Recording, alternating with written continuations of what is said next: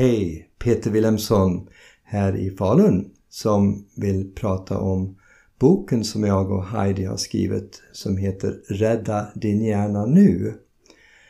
De sista fem sex åren har jag varit extra intresserad av att veta hur hjärnan fungerar, hur man kan optimera hjärnfunktionen, hur man kan hålla sig frisk och kry både i hjärnan och i kroppen. Och då satte igång med det här bokprojektet för cirka tre år sedan och eh, hittade min eh, goda kollega Heidi. Så att jag har ju bakgrund då eh, främst inom naturmedicin och funktionsmedicin och näringsmedicin. Så jag har ju då jobbat eller också studerat det här i över 40 år och fick en stor inspiration av mina kollegor inom funktionsmedicinska sällskapet och all forskning som kommit de sista eh, tio åren eh, om hjärnhälsa. Så att eh, jag fick en sån inspiration av den här forskningen och alla möjligheter som vi kan hålla folk friskare längre. Så att jag satte igång det här bokprojektet. Det här är bok nummer 14 för mig.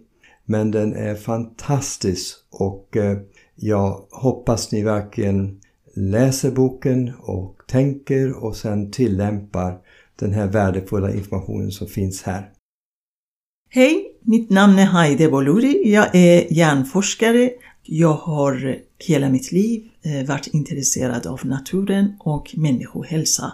Och de senaste fem åren har jag blivit bekant med funktionsmedicin och därmed träffade jag min vän Peter Wilhelmsson och vi bestämde att skriva en bok tillsammans.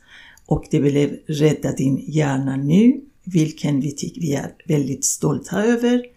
Vårt budskap om boken är ju att belysa vetskapen om hjärnan och hur man sköter sin hjärna för att bibehålla sin hälsa längre med tanke på att vi lever ju lite längre än vad vi gjorde förr.